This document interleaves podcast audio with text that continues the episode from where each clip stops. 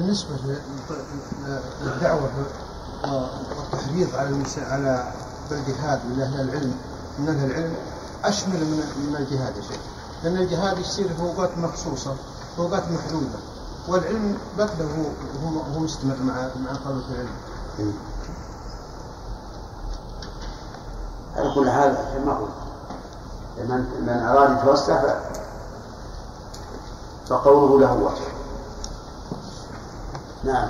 شيخ بارك الله فيكم ذكرنا أن الإقامة بين المشركين المنهي عنها الإقامة المطلقة. نعم. وليس مطلق الإقامة. ألا ألا يصح لمعترض أن يعترض علينا؟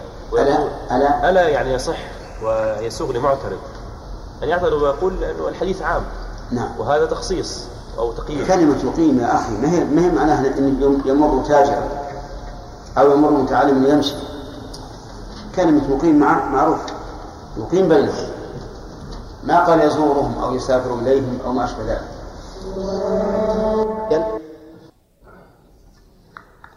أظن في حديث بريدة. كملناه؟ ها؟ اي طيب اذا إن شاء الله نمشي. في فوائده ونسأل الله أن يفتح علينا. ومن فوائد هذا الحديث أن من هدي النبي صلى الله عليه وعلى آله وسلم بعث السرايا والجيوش. فإن قال قائل لما يبعث السرايا والجيوش ويتأخر؟ قلنا لأن الدين الإسلامي له شعائر وله شرائع. يحتاج أن يقوم أن يقيم الإنسان بعضها ويقيم غيره غيره بعضها. فهل كان الرسول عليه الصلاة والسلام مثلا يذهب مع كل جنازة؟ أبدا. تمر الجنازة من عنده ولا يقوم يتبعها. لأنه يشتغل بما هو أهم من اتباع الجنازة. كذلك أيضا في الجهاد هل كان يغزو مع كل جيش وسرية؟ لا. بل يبقى في المدينة يعلم الناس في الخير الخير. وقد أشار الله جل وعلا إلى هذا في قوله وما كان المؤمنون لينفروا كافة فالدين الإسلامي لا بد أن يتكامل والمؤمنون يكمل بعضهم شيئا ويكمل الآخرون شيئا آخر. ومن فوائد هذا الحديث مشروعية أو أنه يشرع للإمام أن يوصي الأمراء بما أوصى به النبي صلى الله عليه وعلى آله وسلم الأمراء وهو تقوى الله وبمن معه من المسلمين خيرا. ومن فوائد الآية الكريمة من فوائد الحديث أنه يجب على من كان أميرا أو وليا أن يختار لمأموره وموليه ما هو الخير. لقوله أوصاه ومن معه من المسلمين خيرا والوصية بالشيء تدل على الاهتمام به. ومن هنا أخذ العلماء رحمهم الله فائدة مهمة. قالوا إن من خير بين شيئين فإن كان التخيير للتيسير على المكلف فهو تخيير تشهي يعني يفعل ما يريد. مثل مثل التخيير في خصال الكفارة كفارة اليمين. وإن كان تخيير مصلحة فالواجب إيش؟ أن يفعل ما هو ما هو الأصلح وذلك في من يتصرف لغيره.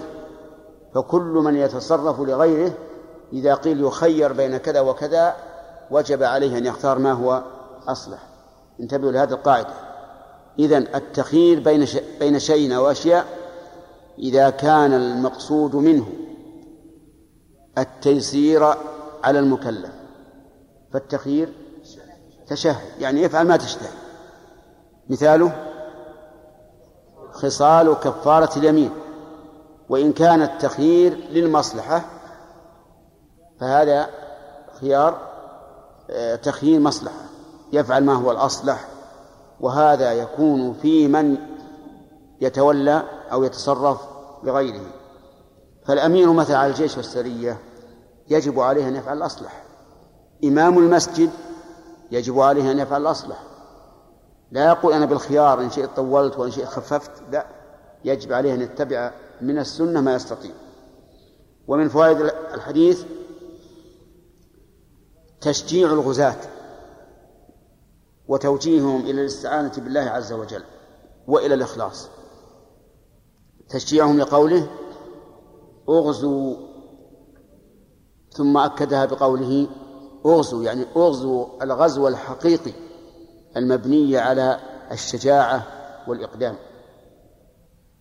ومن فوائد الحديث التنبيه على الاستعانة بالله عز وجل لقوله على اسم الله والإخلاص لقوله في سبيل الله.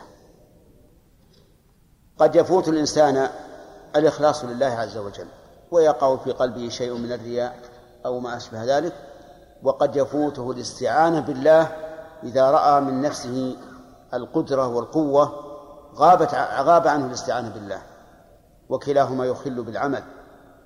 لا بد من إخلاص واستعانة.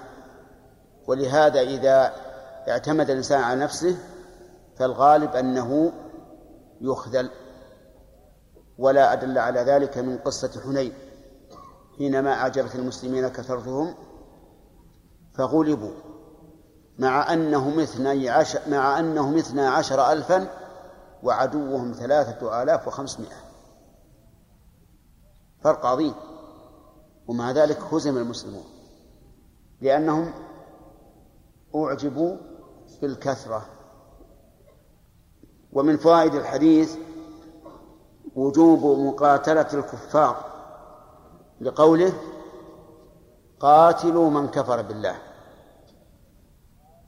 وهذه هذا العموم مخصص بنفس الحديث وهو أن من بذل الجزية من الكفار وجب إيش؟ الكف عنه. ومن فوائد الحديث تحريم الغلول لقوله ولا تغل. وقد مر معنى الغلو وهو أن يكتم الغال شيئا مما غنم. طيب. وهل للغلول عقوبة؟ نعم. عقوبة أخروية وعقوبة دنيوية. أما الأخروية فقد قال الله تعالى ومن يغلل يأتي بما غل يوم القيامة. وأما الأخروية وأما الدنيوية فإنه يحرق رحله إلا الحيوان والمصحف والسلاح وإلا فيحرق رحله تنكيلا به. ومن فوائد طيب وهل يدخل في ذلك السرقة من بيت المال؟ الجواب لا. في هذا الحديث لا تدخل لأن هذا يوجه هذا السؤال يوجه هذا النهي إلى الغزاة. لكن من غل من بيت المال فإنه شبيه به لأنه أخذ من مال عام. خلافا لما يفهمه العامة أهل الجشع الذين يقولون إن مال الحكومة حلال. هذا غلط. مال الحكومة قد يكون أشد تحريما من مال الشخص المعين. لأن مال الحكومة يتعلق به حق كل إنسان حتى العجائز والشيوخ والصبيان. ثم إذا أراد الإنسان التخلص منه قد يصعب عليه ذلك. لكن حق المعين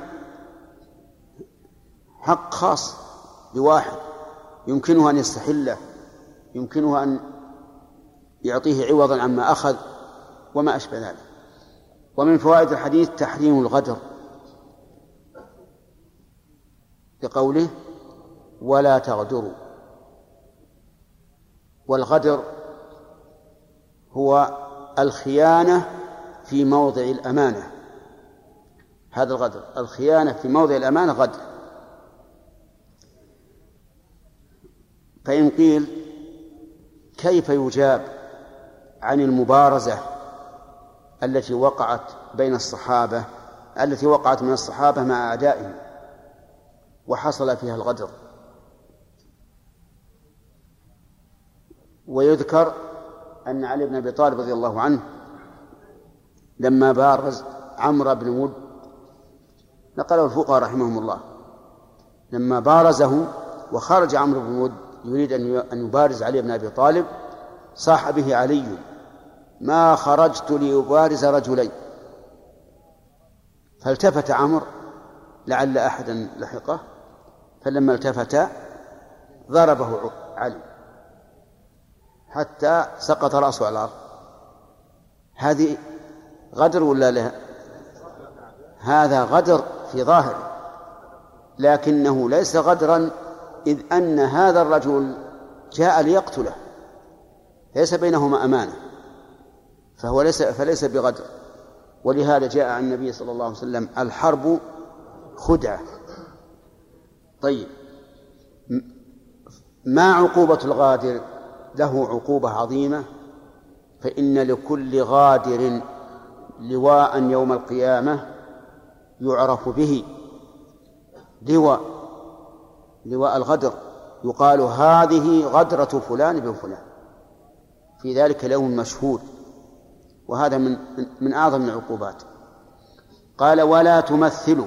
نعم. ومن فوائد هذا الحديث تحريم التمثيل. تحريم التمثيل. لقوله ولا تمثل. وظاهر الحديث العموم. وأن لا نمثل ولو كانوا يمثلون بنا. لأنه لم يستثنى من ذلك شيء. ولكن يقال إن هذا العموم يعارض بعموم آخر وهو قوله تعالى فمن اعتدى عليكم فاعتدوا عليه بمثل ما اعتدى عليكم ولقوله وإن عاقبتم فعاقبوا بمثل ما عوقبتم به. ولأن في التمثيل بهم إذا مثلوا بنا كسرا لهم كسرا لهم وإهانة وذلة. وعلى هذا فيكون هذا العموم مخصوصا بإيش؟ بعمومات أخرى طيب فإن قيل هل يدخل في ذلك ما إذا أخذنا جسد حربي قتلناه من أجل إجراء التجارب على الجسد للعلم. ما هو لقصد التمثيل أو الإهانة أو الذل؟ يعني يؤتى مثلا بجثة كافر حربي إلى كليات الطب ويشرح لفائدة العلم. هل يدخل في في التمثيل أو لا يدخل؟ نعم. محل نظر. هذا محل نظر. وذلك لأن الشرع حرم بيع أجزاء الكافر بيع أجزاء الكافر على الكفار. يعني مثل لو قال الكفار أنتم الآن قتلتم سيدنا لكن أعطونا رأسه فقط. قلنا لا نعطيكم رأسه إلا بكذا وكذا من القيمة. يقول العلماء هذا حرام لا يجوز. فالانتفاع بجثثهم كالانتفاع بعوض المال. فلا يجوز. وقد يقال إن هذا جسد حربي لا حرمة له وإذا لم يكن له حرمة ولنا منه فائدة فما المانع فالمسألة عندي يتجاذبها أصلان وأنا فيها متوقف. نعم. ومن فوائد الحديث تحريم قتل الصغار. بقوله ولا تقتلوا وليدا. ولأن في قتل الصغار تفويت ماليتهم على المسلمين. لماذا؟ لأنهم يسترقون بالسبي. فإذا قتلوا فوتت ماليتهم على المسلمين. ولأن الصغار قريبون من الإسلام. لأن الشاب والصغير ميله أكثر من ميل الشرخ الكبير. ولهذا جاء في الحديث عن النبي صلى الله عليه وعلى آله وسلم أنه قال اقتلوا شيوخ المشركين واستبقوا شرخهم أي صغارهم لأن الصغار أقرب للإجابة من من الكبار. ومن فوائد الحديث أن الإنسان إذا لقي عدوه فإنه لا يباغته بالقتال ولكن يعرض عليه الخصال الثلاث التي ذكرها النبي صلى الله عليه وعلى آله وسلم. لقوله إذا لقيت عدوك من المشركين فادعهم إلى ثلاثة خصال إلى آخر. فإن قيل ما الجمع بين هذا الحديث وبين إغارة النبي صلى الله عليه وعلى آله وسلم على بني المصطلق؟ وهم غارون. فالجواب أن يقال إما أن الدعوة على سبيل الاستحباب وأنه إذا اقتضت المصلحة أن يغير على العدو بدون دعوة فليفعل. وإما أن يقال إن بني المصطلق قد بلغتهم الدعوة وأصروا على ما هم عليه من الكفر وحينئذ تكون الدعوة واجبة في من لم تبلغه ومن بلغته فلا فلا ندعوه إلا على سبيل الاستحباب. ومن فوائد هذا الحديث أخذ الجزية من المشركين. لقوله إذا لقيت عدوك من المشركين. وعلى هذا فلا يختص أهل أخذ الجزية باليهود والنصارى والمجوس.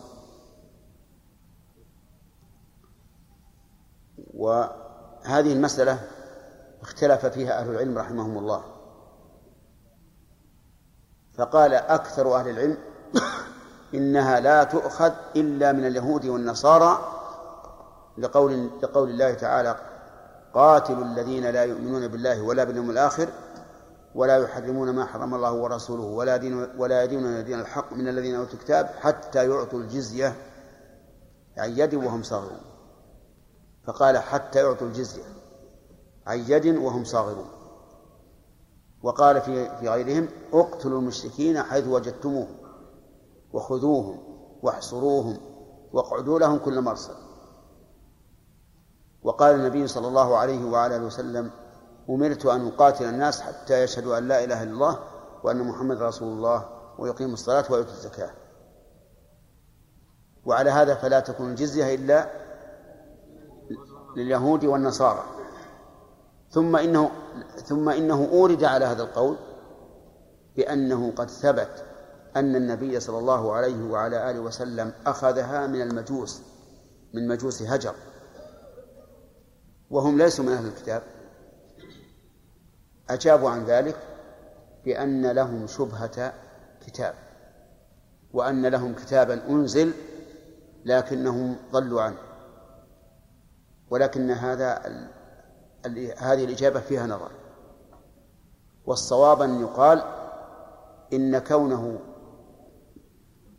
يخص الجزية من الذين أوتوا الكتاب لا يدل على أن غيرهم لا يؤخذ منه.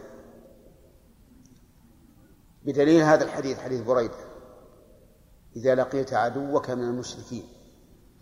لكن خص أهل الكتاب لأن معهم علما في بعثة الرسول عليه الصلاة والسلام فإذا أخذت الجزية منهم وعاشوا في بلاد الإسلام فربما يستجيبون. وهذا فيما سبق. أما الآن فإن النصارى واليهود أشد عداوة من غيرهم في الوقت الحاضر وأبعد وأبعد الناس عن الدخول في الإسلام والاستجابة ولا سيما العرب منهم فإن عندهم عنادا عظيما في في البقاء على كفرهم. ولا تكاد تجد أحدا من نصارى العرب أو اليهود أسلم لكن غير العرب يوجد كثير من النصارى يسلمون ومن المشركين. طيب إذن القول الراجح أخذها من من جميع الكفار. نعم. ومن فوائد الحديث أن فيه دليلا على أنه لا إكراه على الإسلام. لا إكراه على الإسلام. لأنه لو كان هناك إكراه ما قبلت الجزية. فقبول الجزية يدل على أن لا إكراه في الإسلام.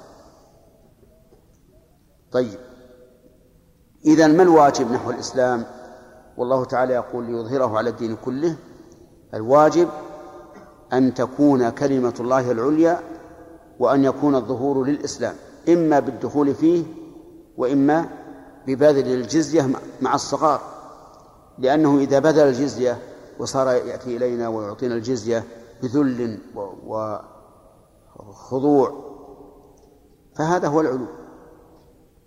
ثم إن هذا الذي يعطي الجزية لو أنه نقض العهد ولو بتعد على مسلم انتقض عهده ووجب أن يقتل وحل دمه وماله. وحينئذ يحصل إيش؟ إعلاء كلمة كلمة الله عز وجل.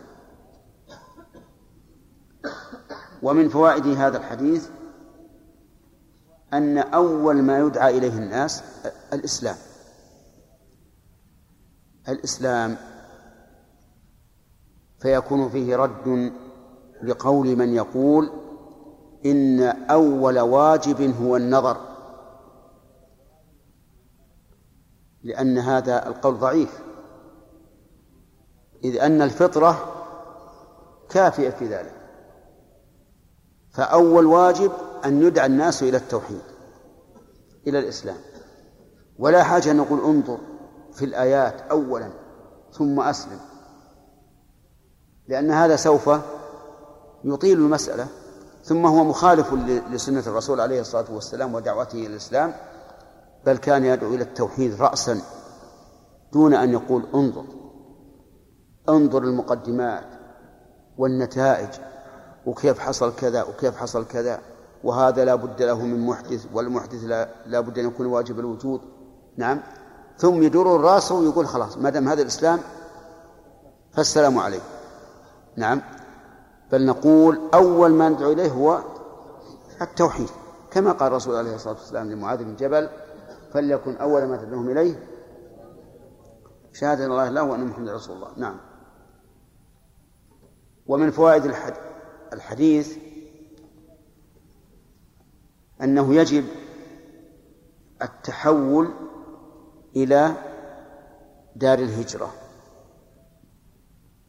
دون البقاء في البادية لما في ذلك من اجتماع الكلمة واجتماع الناس في بلد واحد.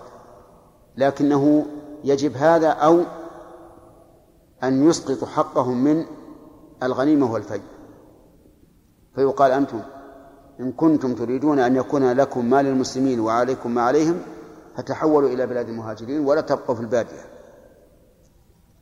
وإن شئتم بقيتم لكن لا حق لكم في الفيء والغنيمة إلا أن تشاركوا في الجهاد. إذا أشركتم في الجهاد فلكم من الغنيمة. ومن فوائد هذا الحديث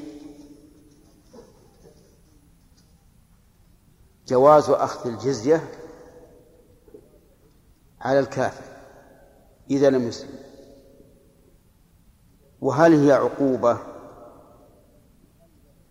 أو من أجل حمايته؟ لأن لأن من له ذمة تجب حمايته وعصمته. ها؟ الثاني أو الأول؟ الظاهر الثاني.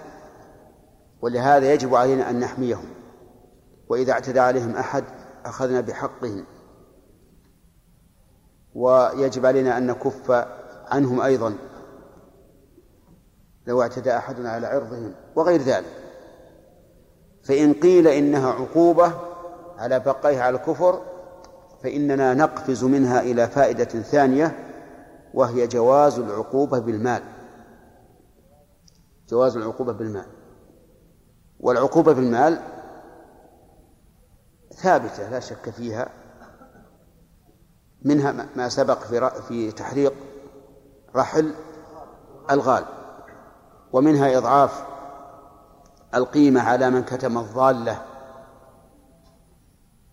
ومنها إضعاف القيمة أيضا على من سرق من الثمر المعلق قبل أن يؤيه الجرير المهم أن القول الراجح سواء بنيناها على هذا أو أو أخذنا من أدلتها القول الراجح أنه يجوز التعزير بأخذ المال.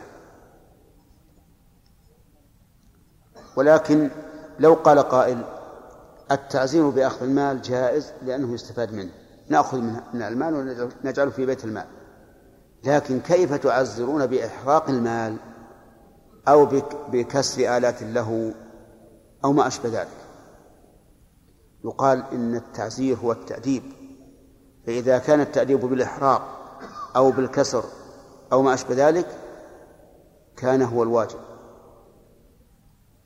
كان هو الواجب.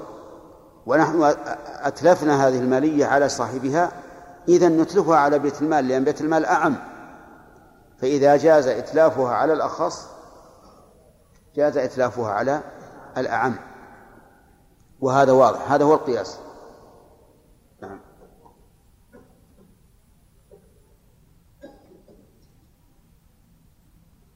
ومنهم ومن فوائد الحديث استحضار الاستعانة بالله عز وجل عند قتال الكفار لقول فاستعن عليهم بالله وقاتلهم. والاستعانة بالله تكون بالقلب وتكون باللسان. أما بالقلب فواضح أن الإنسان يستعين الله عز وجل وأما باللسان فيقول فأن يقول اللهم أعنا عليهم. اللهم إنا نجعلك في نحورهم ونعوذ بك من شرورهم اللهم إنا نقاتلهم بك ونقاتلهم لك ونقاتل ونقاتلهم فيك. وما أشبه ذلك من الكلمات التي يتوسل بها الإنسان إلى ربه عز وجل في الدعاء في الدعاء المفيد للاستعانة. ومن ومن فوائد هذا الحديث جواز محاصرة العدو. جواز محاصرة العدو. بمعنى أن إيش؟ نحيط به ونطوقه. لكن هل يجوز في محاصرته أن نقطع عنهم الماء؟ نعم. نعم. إذا كان هذا مصلحة قطعنا الماء. إذا كان هذا أقرب إلى إجابتهم فإننا نقطع الماء عنهم فإن قال قائل قطعكم الماء يستلزم هلاك الصبيان والنساء والشيوخ ومن لا يجوز أن يقتل. قلنا هذا اللازم يكون تبعا غير مقصود. فإننا لم نقصد بذلك هلاك هؤلاء الذين لا يقاتلون وإنما قتلنا هلاك المقاتلين وجاء هلاك هؤلاء تبعا غير مقصود ولهذا يجوز أن نقل أن نرمي العدو بالمنجنيق تعرفون المنجنيق؟ معروف ما هو يا عقيل؟ ها؟ هو هي يعني المدافع الآن الموجودة بمنزلة المنجنيق لكن المنجنيق فيما سبق عبارة عن خشبتين تنصبان وثالثة تكون عرضا ويكون هناك حبال بل يكون هناك حبلان. طرفهما فيه مكان يجعل فيه الحجر. ثم يدار بشدة شدة ثم يطلق. إذا دير بشدة ثم أطلق فإن الحجر سوف ينطلق ويكون على حسب قوة الرامي. على كل حال المنجنيق بداله الآن المدفع بداله الصواريخ وما أشبه ذلك. يجوز أن نفعل هذا بالكفار وإن قتلنا من لا نقاتله لأن هذا من غير غير مقصود بل هو تبع. ولأننا لا يمكن أن نصل إلى المقصود إلا بهذه الطريقة. طيب. ويمكن أن يستدل لذلك بإغارة النبي صلى الله عليه وسلم على بني المصطلق لأن الإغارة عليهم سوف يكون عندهم نساء وربما يقتل نساء أو أطفال. ومن فوائد هذا الحديث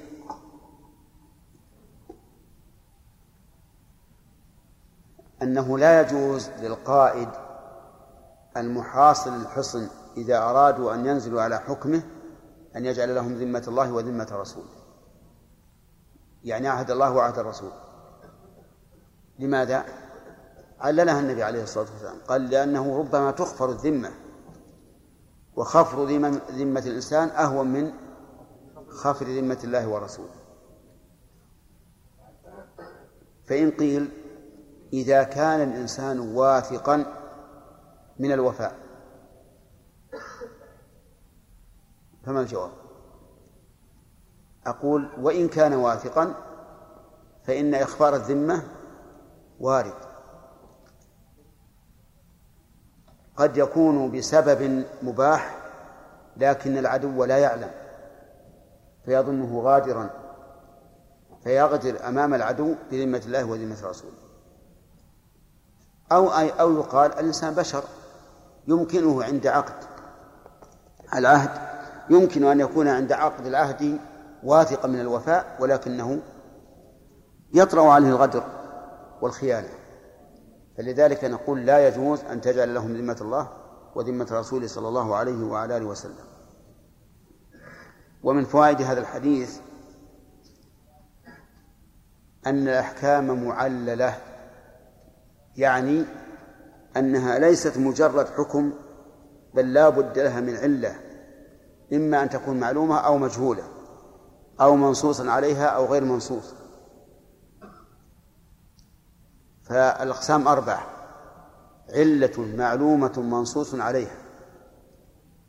وعلة معلومة مستنبطة. والثالث علة مجهولة لنا لكنها معلومة عند الله عز وجل. فهذه ثلاث أقسام. الرابع أن لا نعم الرابع أن تكون مجرد امتحان للعباد. مجرد امتحان للعباد والمعلومة يمكن نقسمها إلى معلومة عند جميع الناس ومعلومة عند بعض الناس. ومن فوائد هذا الحديث أنه ينبغي للمتكلم بالفقه أو الموعظة أن يعلل ما يذكر من أحكام مهما أمكنه.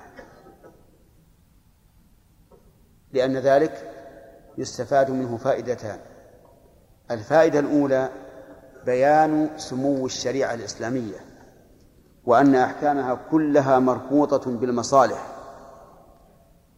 والثاني اطمئنان المكلف لأنه إذا ذكر لك الحكم المعلل اطمأننت أكثر.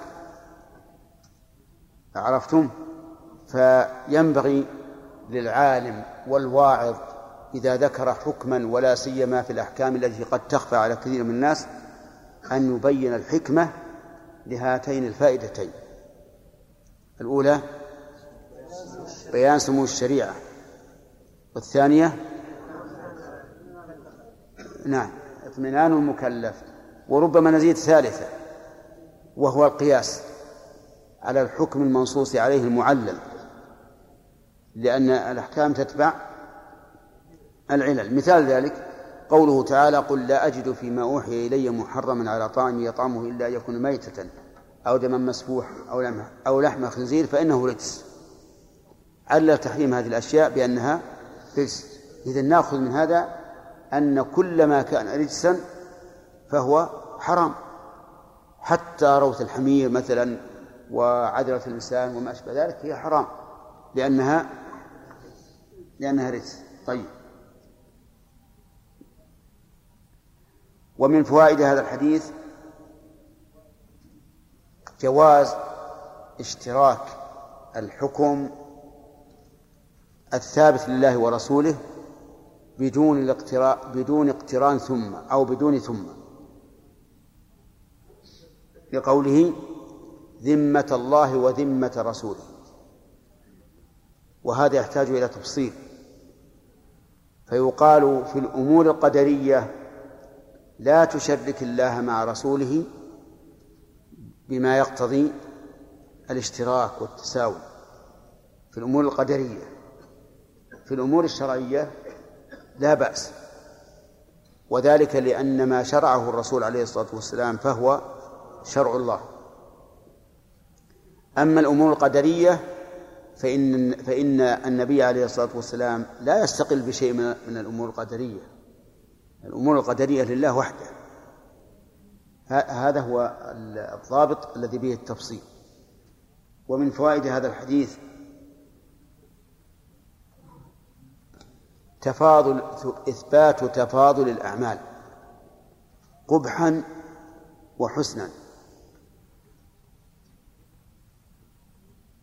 من أين تؤخذ؟ أهون. أهون من أن تغفروا ذممكم. من ذمة الله وذمة رسوله.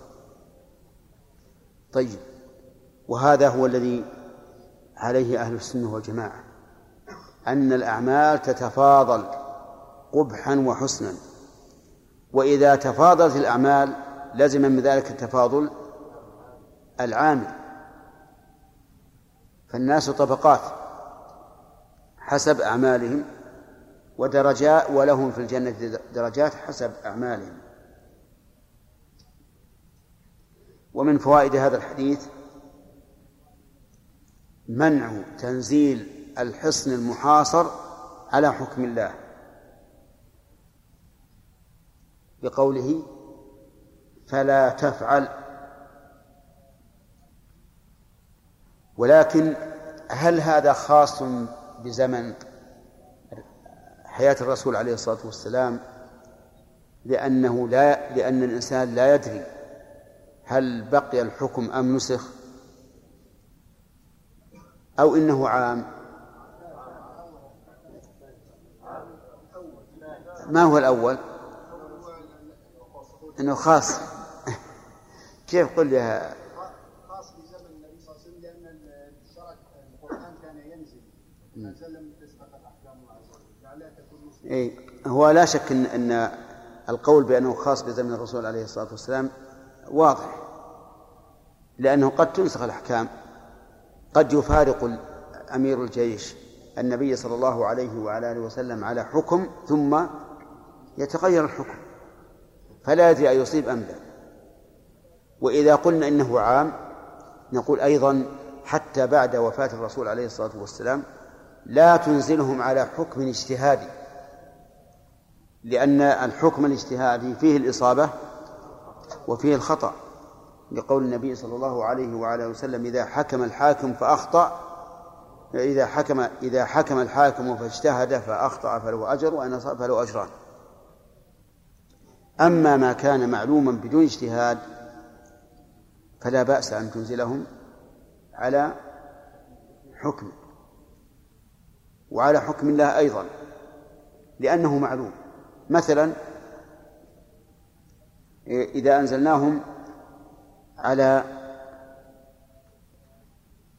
أن نأسرهم فإما منا بعد وإما فداء. هل وافقنا حكم الله أو لا؟ نعم. حتى إذا أثخنتموه فشدوا الوثاق فإما منا بعد وإما فداء. وعلى هذا فيكون العلة التي قالها الرسول عليه الصلاة والسلام فإنك لا تدري أتصيب فيهم حكم الله أم لا؟ العلة إذا انتفت انتفى الحكم. فإذا كان الإنسان قد علم أنه أصاب فيهم حكم الله فإنه لا بأس أن ينزلهم على حكم الله. ومن فوائد هذا الحديث أنه لا ينبغي للعالم أن يقول في حكم من الأحكام حكم الإسلام في كذا كذا وكذا. واضح؟ نعم لا تقل هكذا. لأنك قد تخطئ فينسب الخطأ إلى إلى من؟ إلى الإسلام. ولكن قيد فقل حكم الإسلام فيما أرى. حكم الإسلام فيما أرى. كذا وكذا. نعم. وبه نعرف تهاو تهاون بعض المتأخرين الذين تجد في في كتبهم الإسلام يقول كذا الإسلام يمنع كذا وما أشبه ذلك مع أن هذه القولة أو هذا المنع قول ضعيف في, في الإسلام ومع ذلك ينسبونه إلى الإسلام فيجب الحذر من مثل هذه الكلمات. لعل عبد الله العام إن شاء الله يعذرنا. في هذا القرار. أسمعتهم؟ إيه. ربما صحت الأبدان بالعلم إيه. ربما الشيء الواضح مثل الميتة حرام في حكم الإسلام مثلا الزنا حرام الشيء الواضح واضح. لا ما حاجة ما حاجة. إذا صار ما, ما واضح ما يحتاج.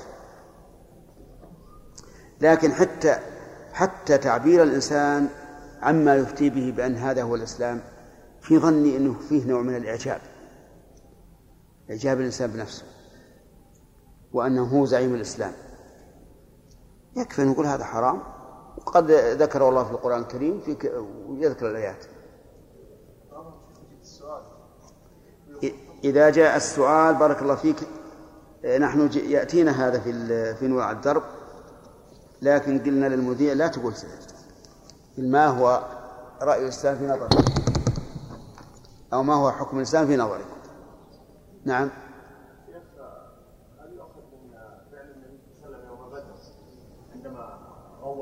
الخلق على انه جواز فعل كل ما فيه مصلحه فيما لو كان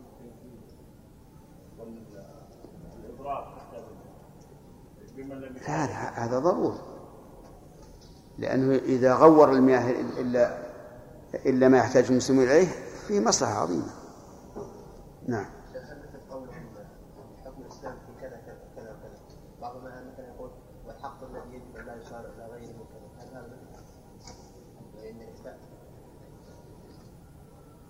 والله ما يحتاج إلى نظر. قد يقول الحق يعني عندي هو أحسن. أو الذي أرى أن الحق. شيخ بارك الله فيك. قد استقر في كثير من الأذهان أن الجزية فقط لأهل الكتاب يعني. وفي حديث يعني عبد الرحمن بن عوف سنوا بهم سنه أهل الكتاب. المجلس ما فائدة هذا الحديث يعني؟ سنوا بهم سنه أهل الكتاب. يعني؟ هنا بمعنى ليس في هذا دليل قصر الجزية فقط على أهل الكتاب وان غيرهم من المشركين؟ هذا هو الصحيح. صحيح انه عام تعالوا أنت طيب سامع.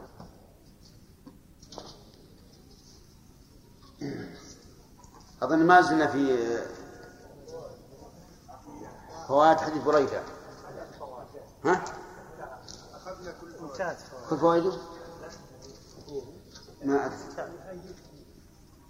هل بينا أن أنه إذا جاء إذا عرف حكم الله يجوز أن يلزمهم على حكم الله؟ ها؟ طيب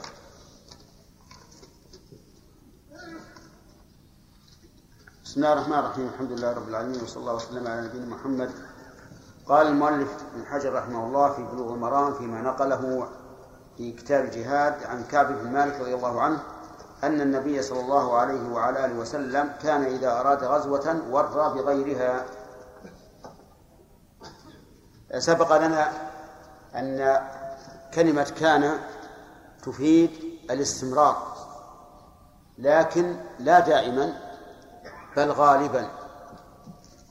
والدليل أنها ليست دائما تفيد الاستمرار ما ورد في في الأحاديث في الصلاة كان النبي صلى الله عليه وعلى آله وسلم يقرأ في صلاة الجمعة بسبح والغاشية وكان يقرأ بسبح بالجمعة والمنافقين وكان يقرأ في العيدين بقاف واقتربت وكان يقرأ فيهما بسبح والغاشية.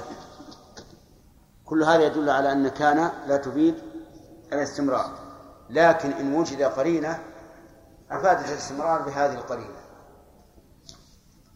وقول كان إذا أراد غزوة ورى بغيرها. أي أرى الناس أرى الناس أنه يريد غيره. فإذا كان يريد الذهاب إلى ناحية الشمال سأل عن طريق الجنوب. ولا يقول أنا أريد الجنوب لكن يسأل. يقول ما تقول مثلا في الطريق من الجنوب؟ كيف كيف يذهب الإنسان وما أشبه ذلك.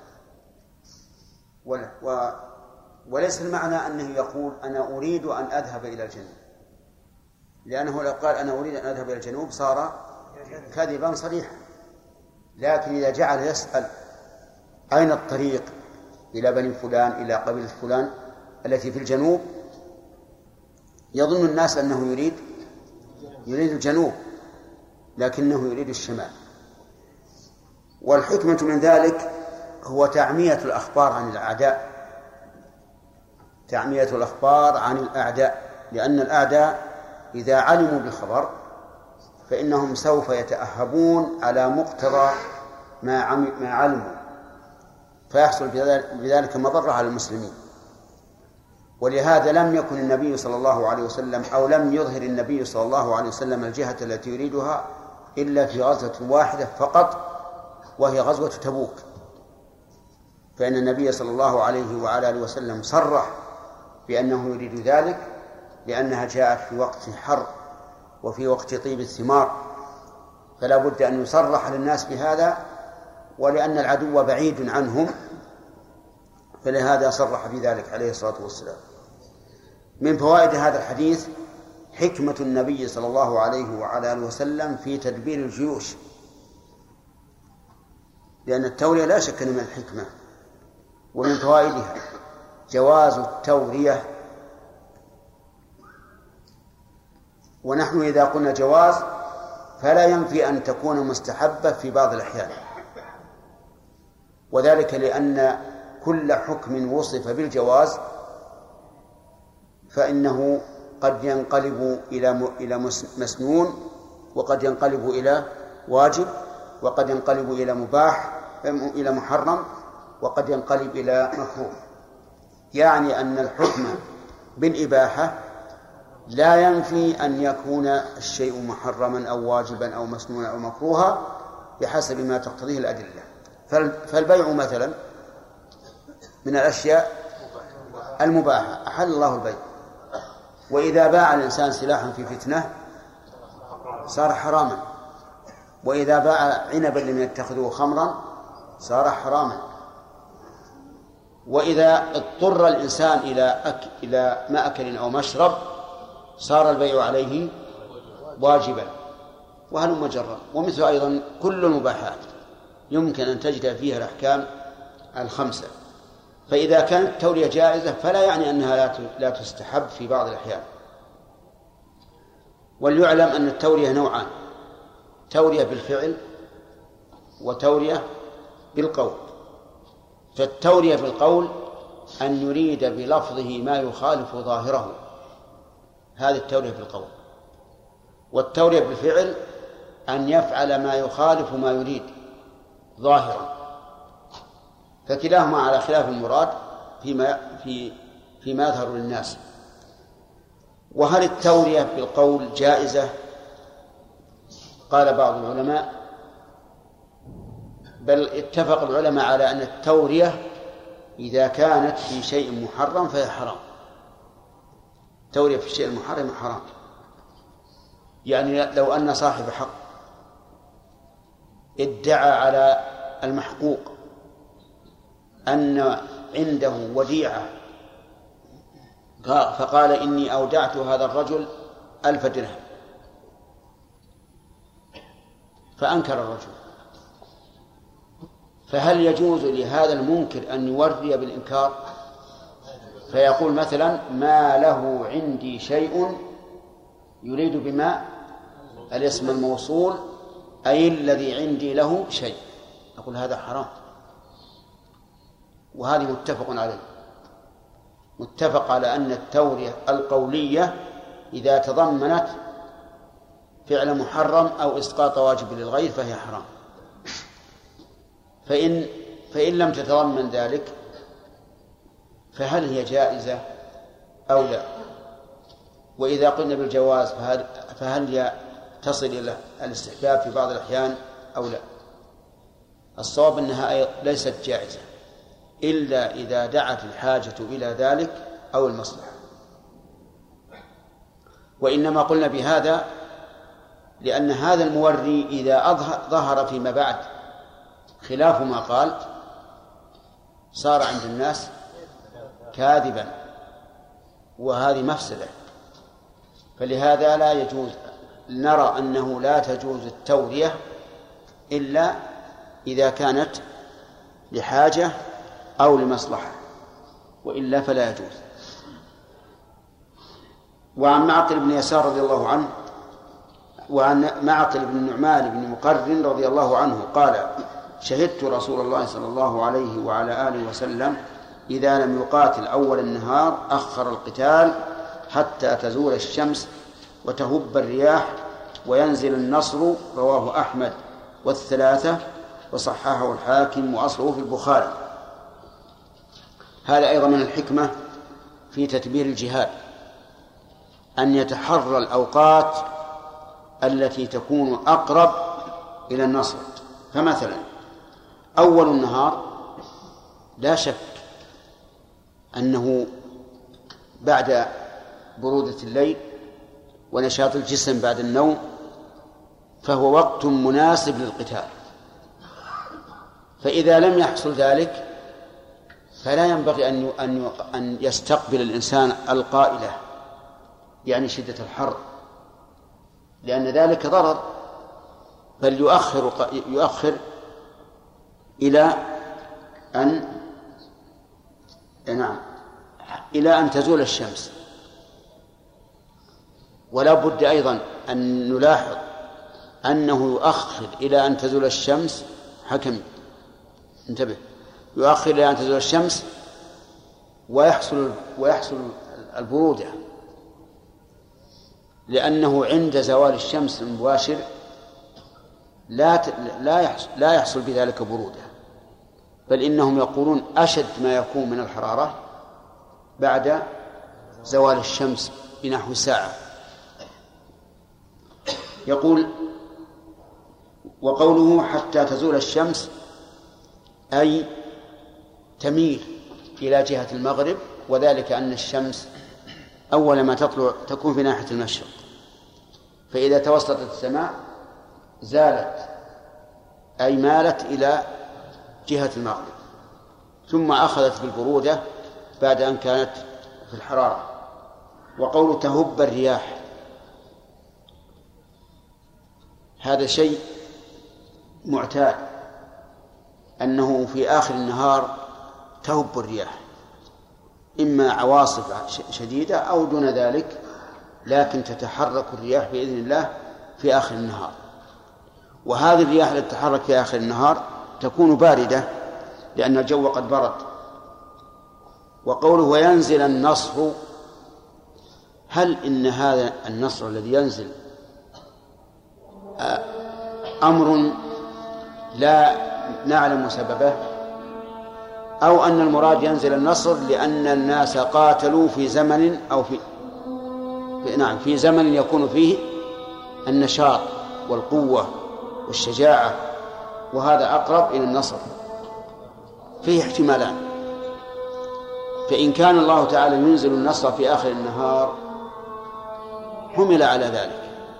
وإن كان المعنى أن القتال في آخر النهار سبب للنصر فهذا سبب حسي معلوم. الله أكبر الله معدات القتال اختلفت قد لا يتناسب معها هذا الوقت.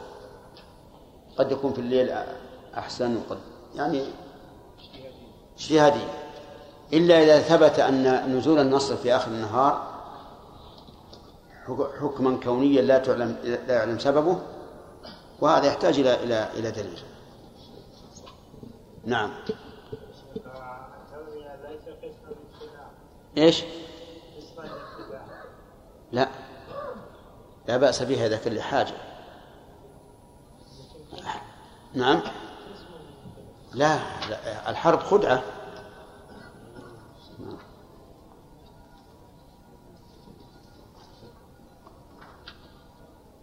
من يسأل؟ نعم. يعني. نرى كثير من الشباب يستعمل هذه التورية في كل الأحيان. هل هذا جائز؟ لا. نحن نرى أنها لا تجوز إلا لحاجة أو مصلحة.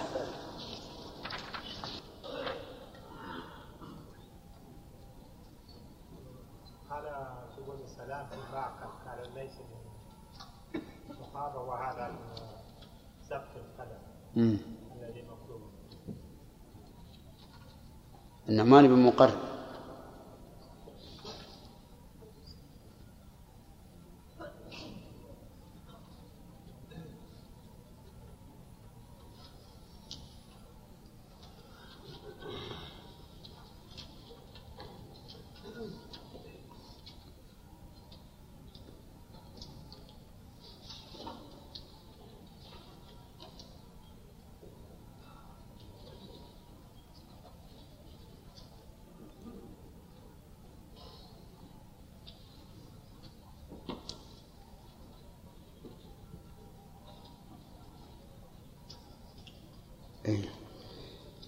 بارك الله فيك. هذا تنبيه طيب. لكن لو راجعت الإصابة في تمييز الصحابة عشان يكمل البحث نعم. كيف؟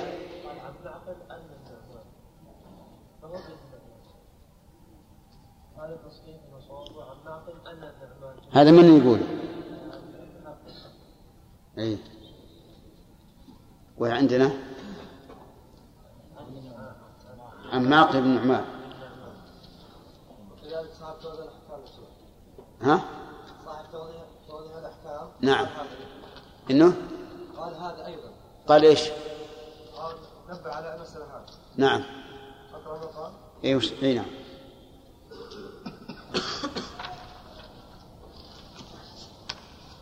قال معقل بن يسار المزني ألحقناه تصحيحا من الأطراف للم- للمزي وإلا فقد اختلفت نسخ بلوغ المرام في هذا فقد جعل بعضهم ابن مكان أن فقال وعن معقل بن نعمان ولكن ما أثبتناه هو الصحيح إن شاء الله تعالى. والذي أثبته هو وعن معقل بن يسار المزني أن نعمان بن مقرن رضي الله عنه. أحسن. نعم.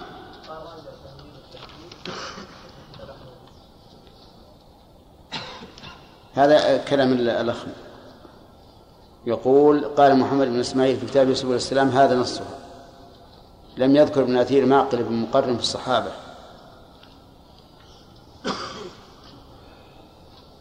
إنما ذكر النعمان بن مقرن وعزى هذا الحديث إليه. وكذا البخاري وأبو داود والترمذي أخرجوه عن النعمان بن مقرن.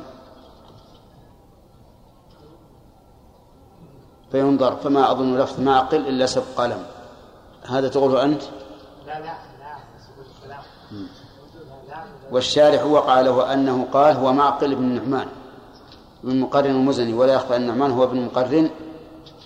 فإذا كان له أخ هو معقل بن مقرن لا بن نعمان ها؟ قال ابن الأثير إن نعمان هاجر ومعه سبعة إخوة له. يريد يريد أنهم هاجروا كلهم معه فرجعت التقريب للمصنف فلم أجد فيه صحابيا يقال له معقل بن نعمان ولا بن مقرن بل فيه النعمان بن مقرن فتعين أن لفظ معقل في نسخ بلوغ المرام سبق قلم وهو ثابت فيما رأينا من نسخه ثابت يعني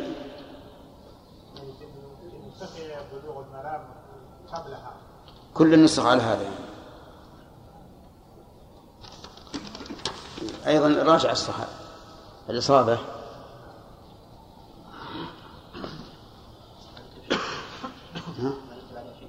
لا حتى حقق شوي. تسميع. تسميع. لأن الوقت راح.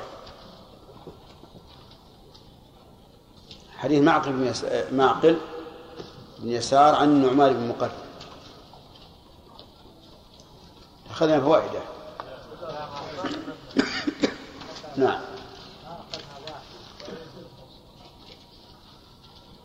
أخذنا الفوائد. كلها ما أخذنا شيء يا بد ها؟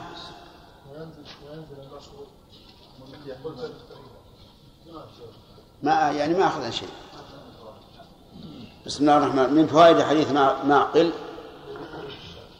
نعم. من فوائده أولا أنه ينبغي القتال في أول النهار. لأن النبي صلى الله عليه وعلى آله وسلم إذا لم يقاتل أخر القتال حتى تزول الشمس. ومنها حسن رعاية النبي صلى الله عليه وعلى آله وسلم بمراعاة الأوقات المناسبة للقتال. وإذا كان هذا هو السبب فإنه يمكن أن يقال إن هذا يختلف باختلاف الأحوال. يختلف باختلاف الأحوال. فإذا قدرنا أن مفعول السلاح في الليل أبلغ منه في النهار فليكن في الليل. ولا ولا حرج من تبييت الكفار وإن قتل من لا يجوز قتله كما نص على ذلك أهل العلم لأن هؤلاء الذين قتلوا إنما قتلوا تبعا لا قصدا ومن فوائد هذا هذا الحديث أن الغالب أن آخر النهار تهب الرياح وتبرد الأرض بعد حرارة الشمس. لقوله حتى تزول الشمس وتهب الرياح. ومن فوائده أنه متى كان الجو مناسبا كان هذا أقرب إلى الظفر والنصر لقوله وينزل النصر هذا إذا قلنا إن نزول النصر سببه إيش؟ حسي وهو برودة الجو. وأما إذا قلنا إن نزول النصر في آخر النهار سببه أمر شرعي فهذا لا نعلم ما هو السبب. ثم قال وعن الصعب بن جثام رضي الله عنه قال سئل النبي صلى الله عليه وعلى آله وسلم عن أهل الدار من المشركين يبيتون فيصيبون من نسائهم وذراريهم فقال هم منهم. نعم. قال سئل عن أهل الدار من المشركين.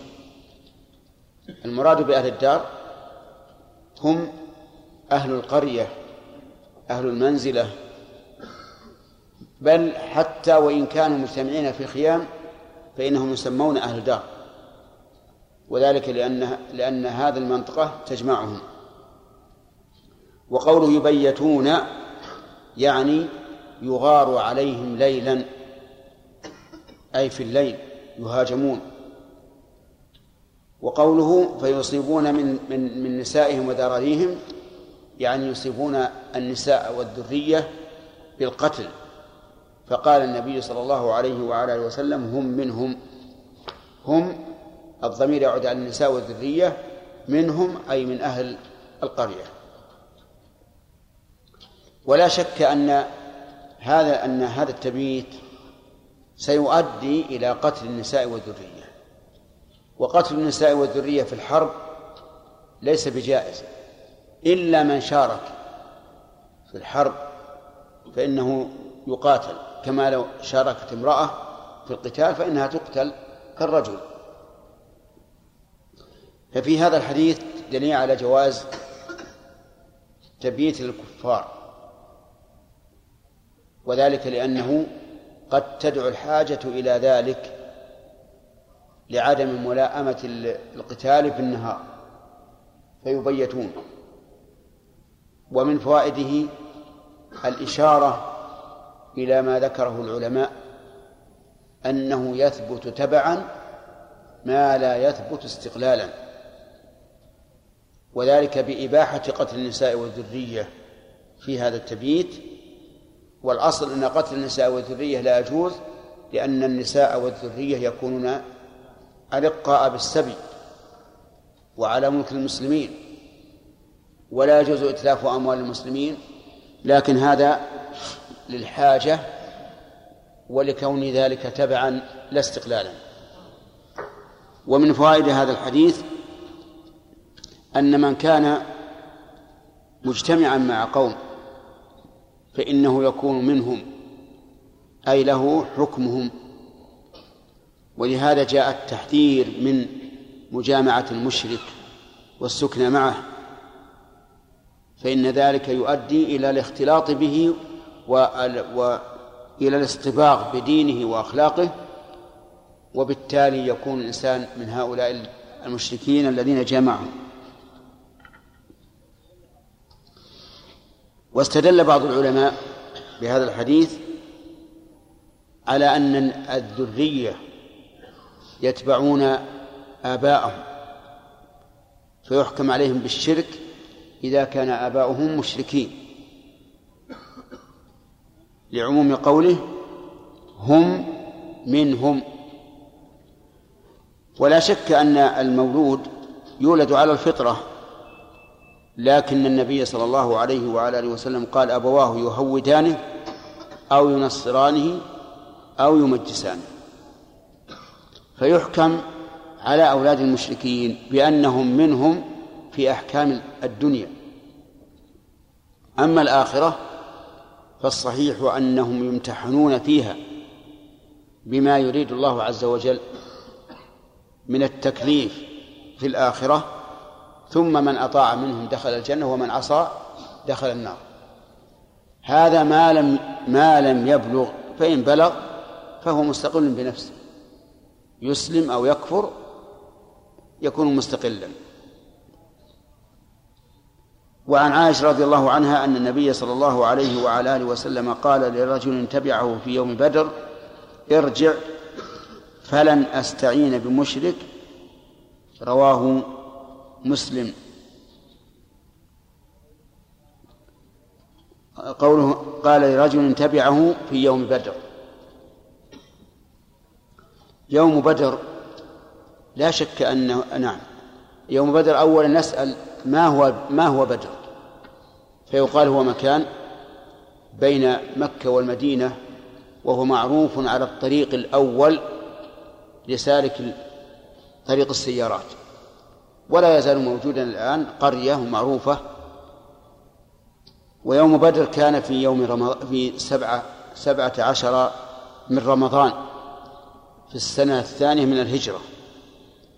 وسبب هذه الغزوة أن النبي صلى الله عليه وعلى آله وسلم بلغه أن أبا سفيان قد أقبل إلى مكة ومعه عير لقريش محملة من الشام.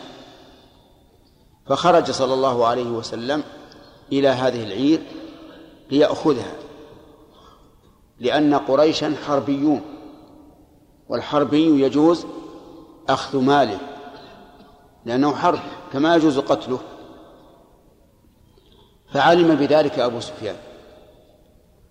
فعدل عن الطريق الأصلي وسار من من عند يسيف البحر وأرسل إلى قريش يستنجدهم فخرجت قريش بكبرائها وزعمائها وحدها وحديدها.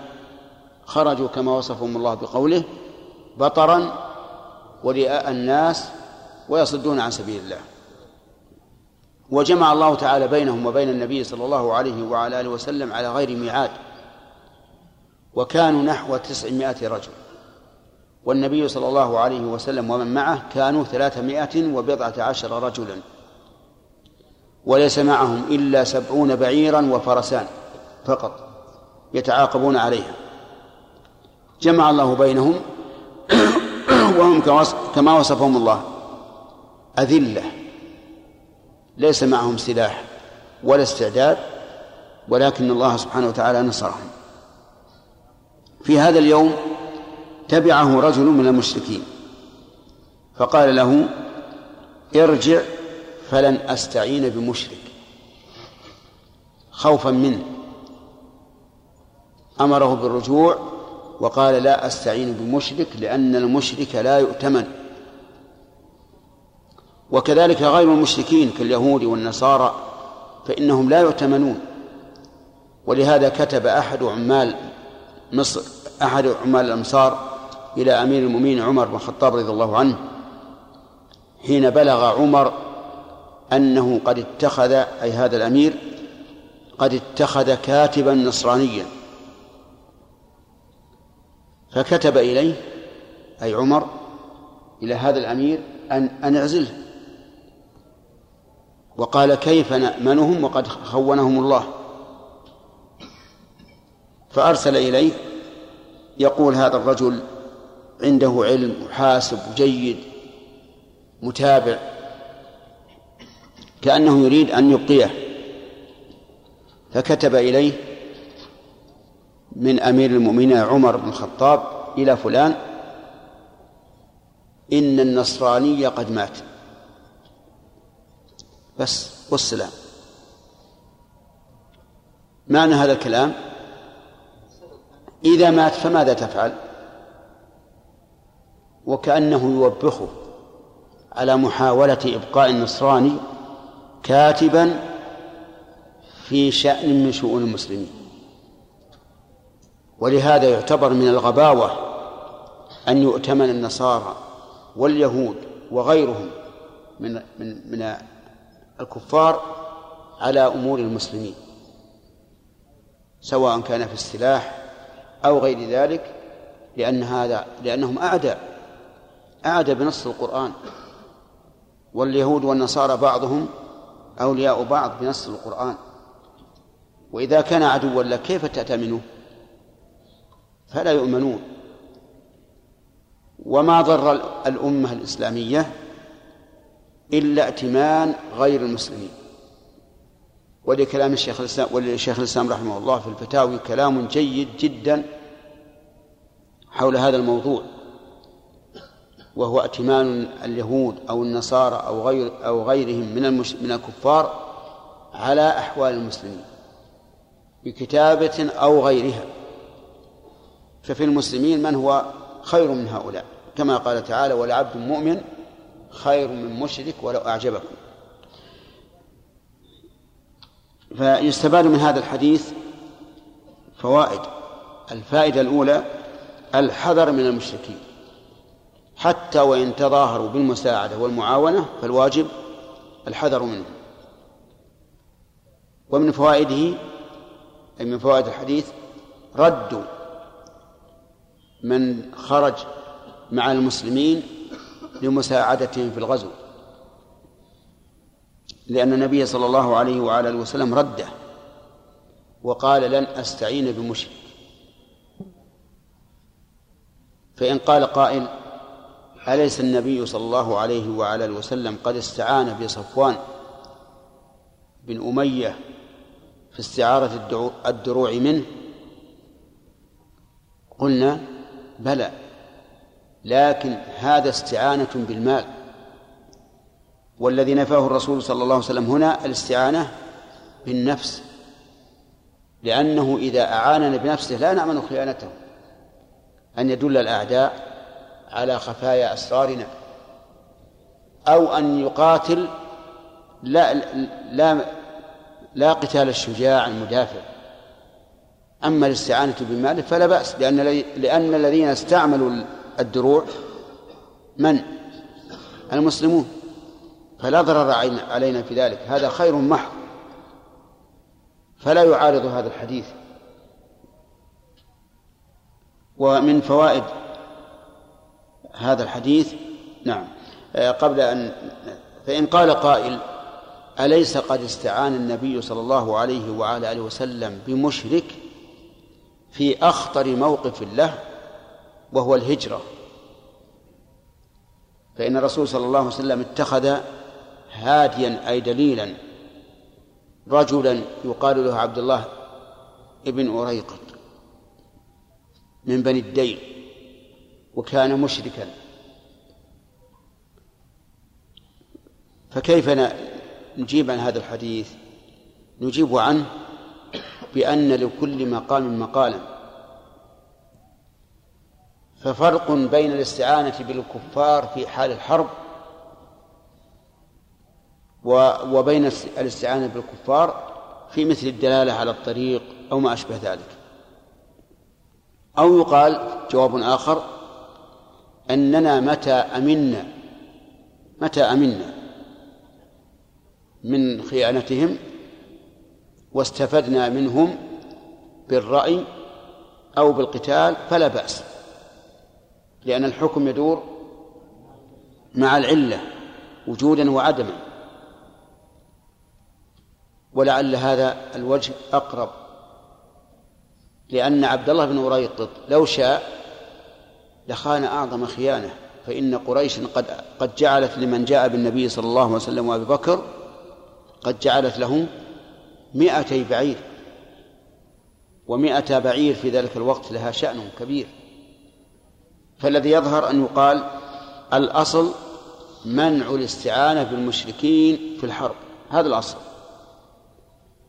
لكن إذا كان هناك مصلحة ومنفعة محققة مع الأمن من غدرهم ومكرهم فإن ذلك لا بأس به لأنه مصلحة بلا مضرة.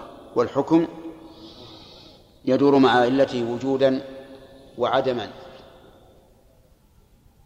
قال وعن ابن عمر رضي الله عنهما أن النبي صلى الله عليه وعلى آله وسلم رأى امرأة مقتولة في بعض مغازيه فأنكر قتل النساء والصبيان متفق عليه.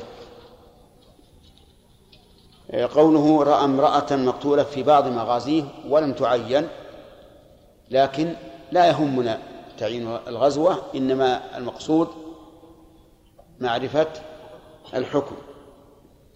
وقول فأنكر قتل النساء أنكر يعني أنه نهى عنه لكن بشدة لأن الإنكار أخص من النهي. قد ينهى عن الشيء بدون إنكار ولكن إذا أنكر فقد تضمن النهي وزيادة. وقول قتل النساء والصبيان النساء مطلقا حتى البالغات وأما الصبيان فهم الذكور غير البالغين وإنما نهى عن ذلك لأن النساء والصبيان يكونون إيش؟ أرقا للسبي فإذا قتلوا فوت فوت على المسلمين خيرا كثيرا ففي هذا الحديث دليل على فوائد أولا أنه يجب إنكار منكر حتى وإن كان فاعله جاهلا بالحكم وذلك لأن الذين قتلوا هذه المرأة لا شك أنهم جاهلون ولو كانوا عالمين بذلك ما قتلوها. والثاني تحريم قتل النساء والصبيان في حال الحرب. فإن قيل لو فعلوا ذلك بنا بأن قتلوا صبياننا ونساءنا فهل نقتلهم؟ الظاهر أنه لنا أن نقتل النساء والصبيان ولو فات علينا فاتت علينا المالية لما في ذلك من كسر قلوب الأعداء وإهانتهم. ولعموم قوله تعالى فمن اعتدى عليكم فاعتدوا عليه بمثل ما اعتدى عليكم. وتفويت المال على المسلمين ليس بشيء غريب ولهذا يحرق رحل رحل الغال مع أن فيه تفويت مال على أحد الغزاة فإن قال قائل لو هتكوا أعراض نسائنا فهل نهتك أعراض نسائهم؟ لا هذا لا لا نفعله لماذا؟ لأن هذا محرم بنوعه ولا يمكن أن نفعله يعني ليس محرما لاحترام حق الغير ولكنه محرم ولكنه محرم بالنوع فلا يجوز أن نهتك أعراض نسائه ولكن إذا حصلت القسمة ووقعت المرأة منهم سبيا صارت ملك يمين يطعها الإنسان بملك اليمين حلالا ولا شيء فيه. طيب وهل يخصص من النساء من كانت تحارب؟ الجواب نعم. لو فرض أن المرأة تحارب كما هو في عصرنا الحاضر الآن ففي النساء من تقود الطائرة وترمي بالمدفع والصاروخ وغير ذلك فإنها تقتل لأنه لا ليس بينها وبين الرجل فرق. نعم. يمكن الجواب عن قصة عبد الله بن أن هذا من باب الإجارة. نعم. من باب إجارة الكافر لا يستعان به نعم. هو هو مستعين به. لكنه بأجرة. والاستعانة بالمشرك محرمة سواء بأجرة أو بغير أجرة إذا لم يكن في ذلك مصلحة وأمن. نعم. ألم يثبت أن النبي صلى الله عليه وسلم أنه لما مثل المشركون في قتل المسلمين وأراد النبي أن يمثل قتلهم نهي عن ذلك. لا أعلم هذا. أنا أعلم ما جاء في حديث بريدة السابق أنه كان إذا أمر أميرا على جيش أو سرية نهوا عن التمثيل. نعم؟ إيش؟ نعم. نعم. بين التمثيل والقتل؟ وقلنا بالتمثيل إذا مثلوا ب- بقتلاهم مثلنا بقتلاهم نعم أحمد؟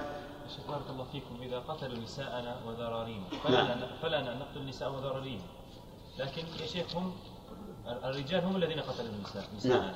نعم. والنساء هم لا, لا, ذنب لهم. فكيف يؤخذ بجرار بج بج بجرار- هذا لأن- لأجل المصلحة العامة. هم أذنبوا لا المصلحة العامة في- هؤلاء المقاتلين. لأننا لو لم نفعل بهم ما فعلوا بنا صار هذا ذلا أمامهم. نعم.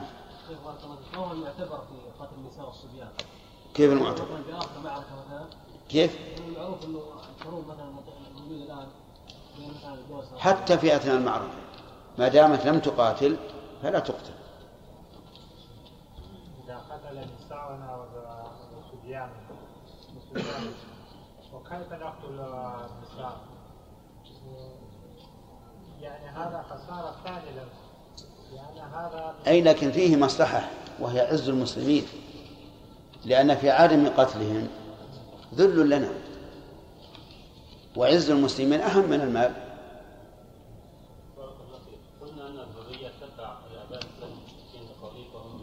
نعم فاذا قتلنا الذريه وهم غير يكونون على الفطره ام يكونون على؟ نقول الله أعلم هم في, هم في, الدنيا حكم حكم آبائهم. لكن في الآخرة كما سمعتم القول الراجح أنهم يمتحنون. بتكاليف الله أعلم بها. نعم. السبي. بدون يا شيخ؟ كيف؟ أي نعم بدون ملكه إذا اذا إذا صارت من نصيب أحد الغزاة فهي ملكه. كيف؟ أنا متزوج أربع نساء عندي أي نعم. صار اثنين ثلاث سبايا. إيه. أي لا لا بأس. المجوس زي ما شيخ ها؟ المجوس لو كان مجوس. أي نعم.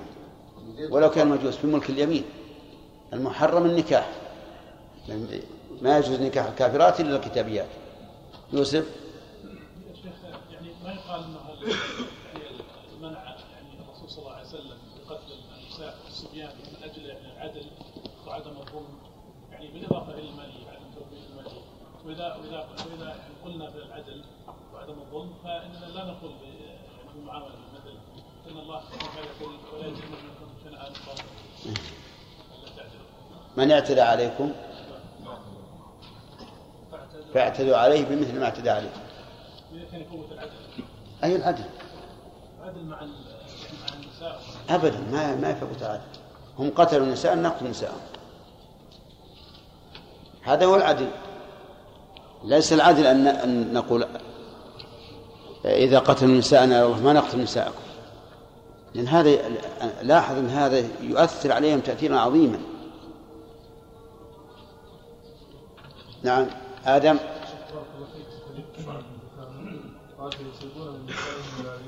نعم. فيكون ذلك من غير قصد نعم من غير قصد. اي من غير قصد يعني الأصل أنهم الأصل أنه لا يجوز أن تقصد قتل النساء والذرية. لهذا الحديث ول- ول- ولأن الرسول أنكر قتل المرأة. نعم.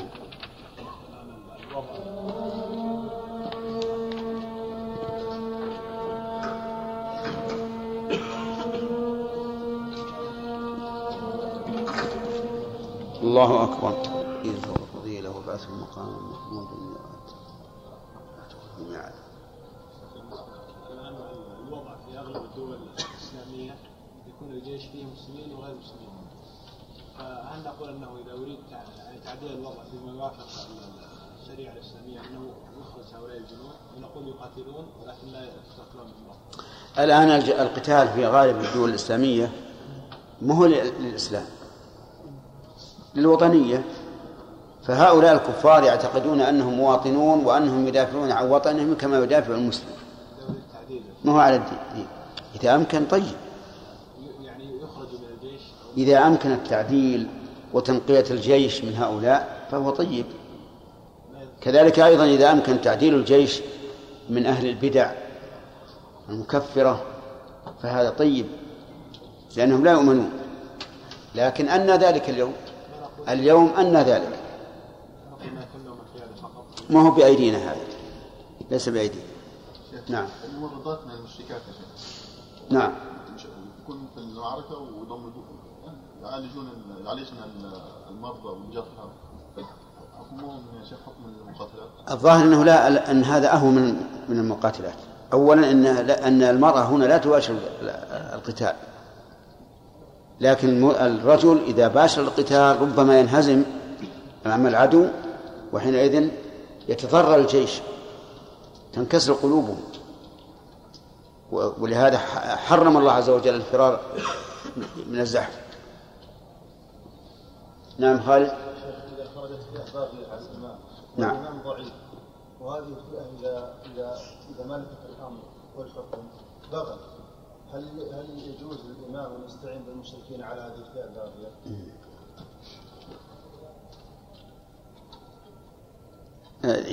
تحتاج إلى إلى نظر. ما دام ما دامت هذه الفئة الباغية إذا إذا استولت وظهرت على الإمام ستبغي أيضا؟ هذه ينظر فيها. ينظر فيها. نعم.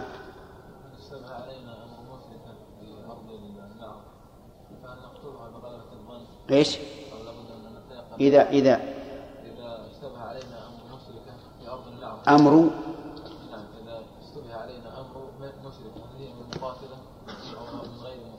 هي في الصف ولا ولا خارج الصف؟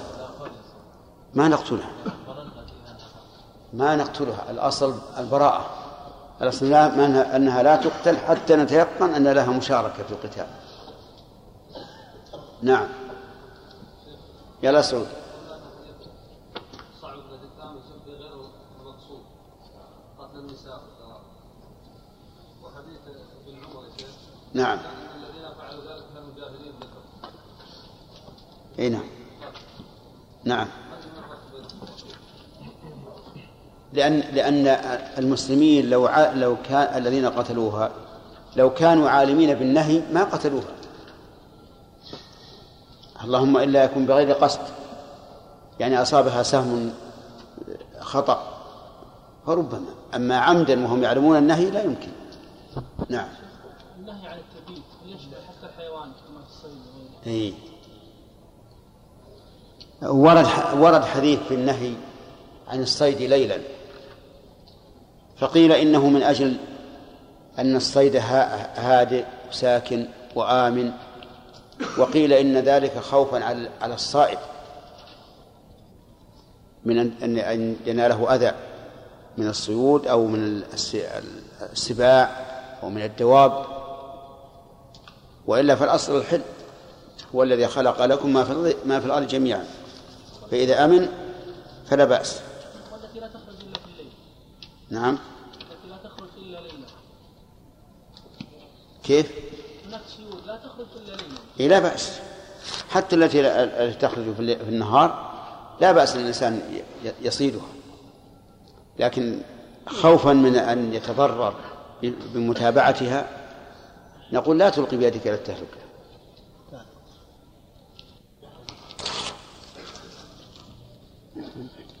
بسم الله الرحمن الرحيم الله عنه.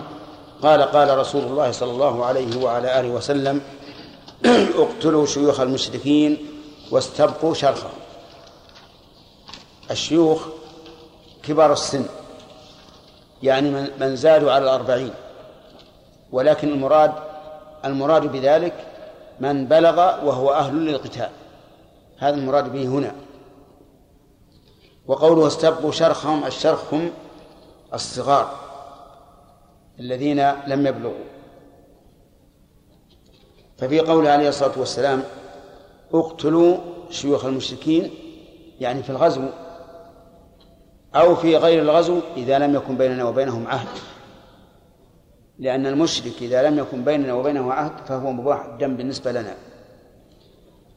في هذا الحديث دليل على أنه ينبغي التركيز على قتل كبار السن من العدو. لقول اقتلوا شيوخ شيوخ المشركين. وفي هذا من الفوائد وجوب استبقاء الصغار. لقوله استبقوا شرخه وقد سبق أنه يجب استبقاء النساء أيضا. وأن النساء لا لا يقتل لا يقتلن إلا إذا قتل وفي عصرنا الحاضر نجد أن نساء العدو يشاركن في القتال. فإذا كان كذلك فإنهن كالرجال تماما يعني أنهن يقتل. وعن وعن ابن عمر وعن علي رضي الله عنه أنهم تبارزوا يوم بدر رواه البخاري وأخرجه أبو داود مطولا. المبارزة مشتقة من البروز وهو الظهور. ومعناها أن يطلب أحد رجال الجيش من رجال العدو أن يبارزه في القتال يبرز له فيقاتله. وفائدة هذا هذا التبارز أنه إذا قتل أحد المتبارزين صار في ذلك قوة للقوم الذين الذين منهم القاتل وصار في ذلك ضعف وذل للذين منهم المقتول. ويكون هذا من أسباب النصر. ونوع من ونوع ونوعا من أنواع الجهاد. يعني بدل ما يكون بالسيف بدل ما يكون بالرصاص يكون بمثل هذا لأن ضعف قلب العدو من أكبر أسباب النصر. ولهذا قال النبي صلى الله عليه وعلى آله وسلم نصرت بالرعب مسير شهر لكن شرط المبارزة أن يكون لدى الإنسان علم بكيفية المبارزة وأن يكون عنده قوة يستطيع بها أن يقضي على خصمه.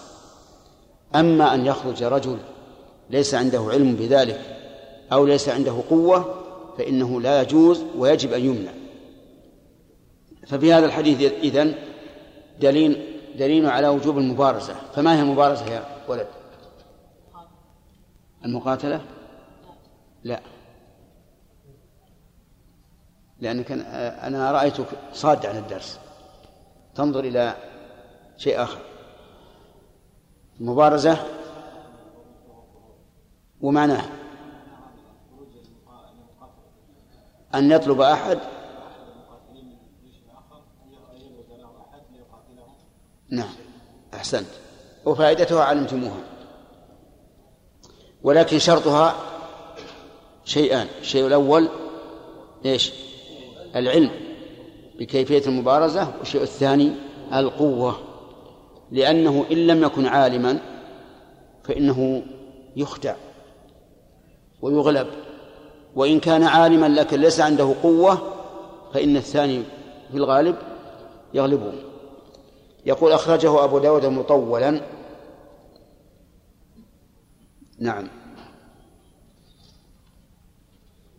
ويذكر أيضا أن علي رضي الله عنه بارز عمرو بن ود في أحد المغازي وأنه لما خرج